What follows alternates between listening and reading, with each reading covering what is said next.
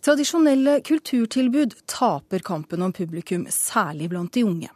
Blant unge voksne har interessen, spesielt for teater- og kunstutstillinger, dalt i løpet av de siste fire årene, viser Statistisk sentralbyrås presentasjon av Norsk kulturbarometer som ble lagt fram i dag.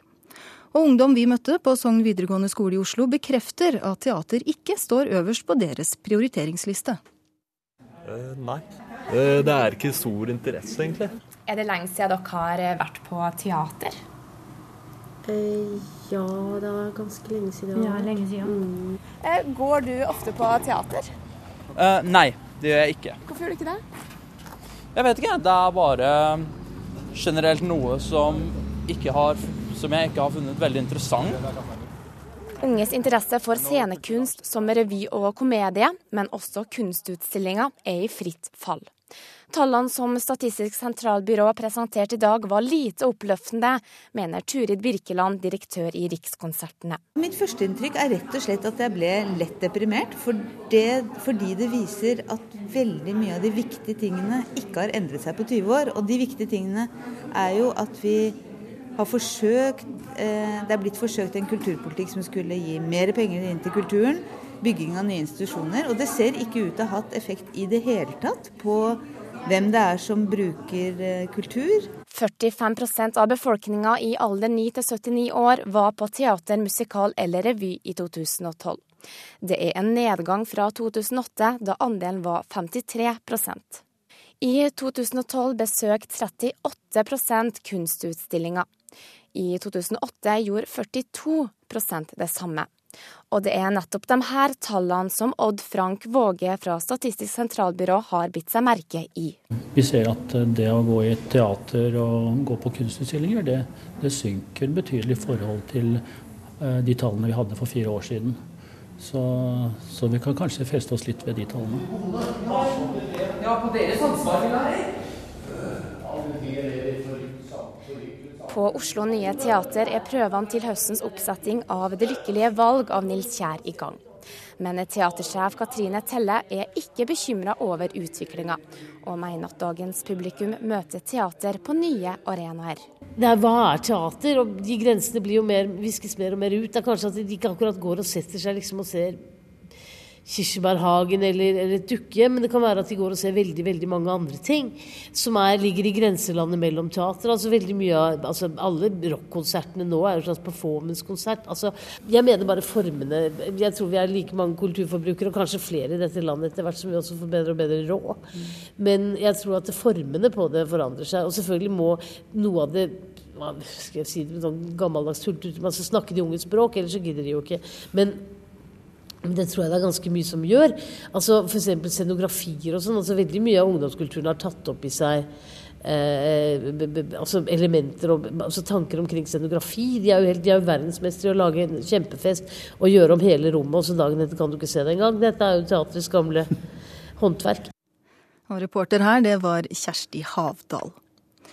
Ja, Bruken og interessen for flere av kulturtilbudene her i landet synker, til tross, eh, til tross for at regjeringen fokuserer på å satse på nettopp kultur. Kulturminister Hadia Tajik, overrasker det deg?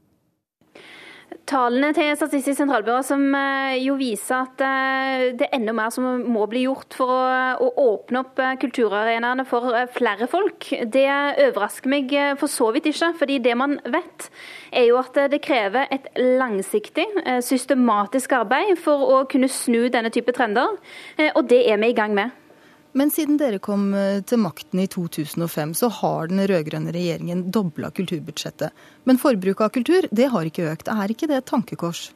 Det dette betyr, er jo at eh, man er nødt til å satse enda mer òg i framtida. De eh, pengene som vi har satsa på kulturlivet siden 2005, har vært høyst nødvendige for at det norske kulturlivet over det ganske land skal kunne være levende, for at det skal kunne blomstre.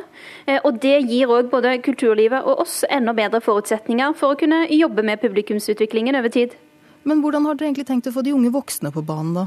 Altså det jeg syns er veldig gledelig eh, blant disse tallene, er jo at på mange områder så er det jo eh, unge brukere som utmerker seg som den økende andelen blant kulturbrukerne. Det gir et godt utgangspunkt, eh, men det er noe vi må bygge videre på. Men særlig når det gjelder teater og kunstutstillinger, så har andelen brukere blant unge voksne sunket i løpet av de siste fire årene. Hva, hva vil dere gjøre med det? Vi ser at kulturlivet og kulturarenaene konkurrerer med ganske mange andre områder om oppmerksomhet fra særlig unge voksne. Eh, og dette må vi jobbe systematisk med. En av de tingene vi gjør, er at vi har en klar forventning eh, overfor de som får penger fra Kulturdepartementet, om at de skal jobbe langsiktig, systematisk med publikumsutvikling. Vi gir òg penger til konkrete, konkrete prosjekter om å utvikle publikumsgrunnlaget. Og sist, men ikke minst, så mener jeg at det arbeidet som blir gjort med Den kulturelle skolesekken, der barn og unge over hele landet blir introdusert for kunst og kultur av høy kvalitet, at det har betydning for eh, at man får aktive kulturbrukere forbrukere i framtida. Men nå har jo de unge da vist seg å ikke være så aktive, så hvem er det som ikke har gjort en god nok jobb da? Er det dere i regjeringen, eller er det kulturinstitusjonene? Nei, Jeg tror at vi alle sammen er nødt til å gjøre enda mer for å gjøre det mulig for enda flere å kunne delta. For det SSB sin undersøkelse viser, handler jo om eh, opplevelsen av altså eh, hvordan man opplever sin situasjon med tanke på det å kunne delta på disse kulturarenaene. Eh, og vi vil jobbe systematisk òg når vi lager det neste store kulturløftet, for å kunne åpne opp kulturarenaene for flere flere brukere. og Der gir tallmaterialet fra SSB et godt grunnlag for de diskusjonene. Men du snakker om tallmateriale. Hvordan vil dere helt konkret bruke det?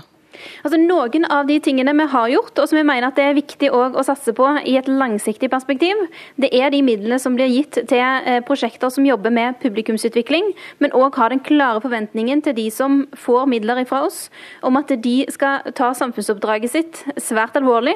Det betyr at man skal jobbe systematisk, langsiktig, for å kunne få enda flere publikummere på en rekke kulturarenaer. Men hvis du skulle se på regjeringens konkrete målsetting når det gjelder kulturforbruk, hva er det? Jeg mener at det er viktig å legge til rette for økt deltakelse.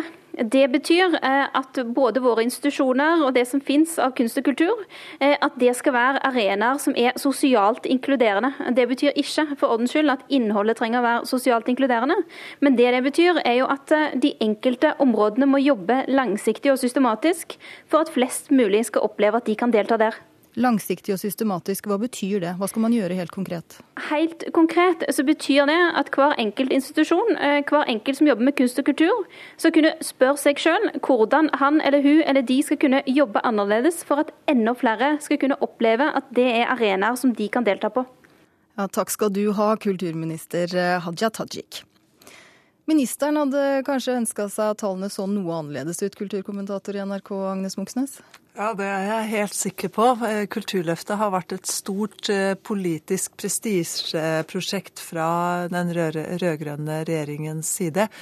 Eh, da det forrige kulturbarometeret ble laget og ble presentert i 2008, så hadde faktisk kulturforbruket gått litt opp. Men nå har det nesten jevnt over gått litt tilbake, stabilisert seg, og til dels også gått eh, tilbake. Så det er, det er, veldig interessant å høre på to ulike kulturministre fra en Arbeiderparti, altså Arbeiderpartiet her, altså Hadia Tajik, som forsvarer veldig at man må gi dette litt tid og sånt. Og, og Turi Birkeland som da stiller spørsmålet hvorfor i all verden har ikke dette endret seg mye mer enn det vi ser her, når det liksom tross alt er satset mye penger. For noe noe, eller Et av tilbudene som eh, har fått mindre interesse, er altså teatrene. Til tross for store budsjettsatsinger. Hvordan kan du forklare det? Det er en eh, Det virker som om teatret er i ferd med å tape i forhold til andre typer kulturtilbud, kanskje først og fremst det digitale. Eh, selv om altså det må sies her at teatret, de store institusjonsteatrene har hatt et godt år. 2012 var et godt år for dem. Men det spørsmålet som blir stilt hvert fjerde år fra Statistisk sentralbyrå, det er spørsmålet om hva slags interesse folk har for de ulike kulturtilbudene. Og der har altså interessen for teater falt. Eh, I 2000, eh, nei, på begynnelsen av 90-tallet så ble man spurt om Eh, hvor interessert, altså er du, Hvor mange er det som er meget interessert i teater? Da var, svaret 9, altså var det 9% som svarte at de var veldig interessert i det. Nå er det tallet 5% Så det er klart at her er det en utvikling som ikke akkurat er ønsket. Men det var teaterne, der har det gått ned. Men interessen har jo vokst på noen felt, i hvert fall når det gjelder kulturfestivaler, særlig i distriktene. Men, og hvem er brukerne av den type tilbud? Ja, Kulturfestivalene er interessant, for de kom inn i denne målingen fra Statistisk sentralbyrå altså på begynnelsen av 2000-tallet, og har økt og passert 30% av, liksom sånn, av oss er deltakere der.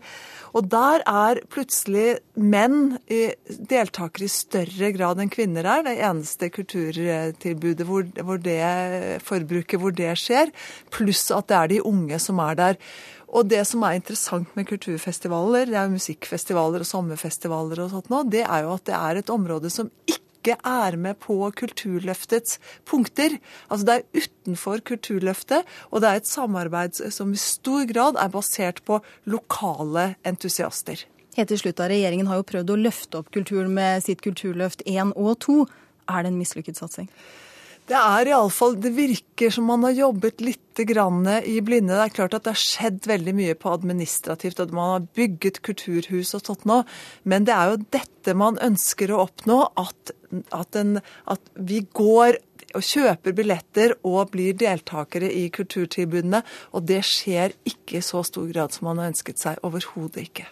Ikke i så stor grad som man har ønsket seg. Nei, takk skal du ha, kulturkommentator i NRK, Agnes Moxnes.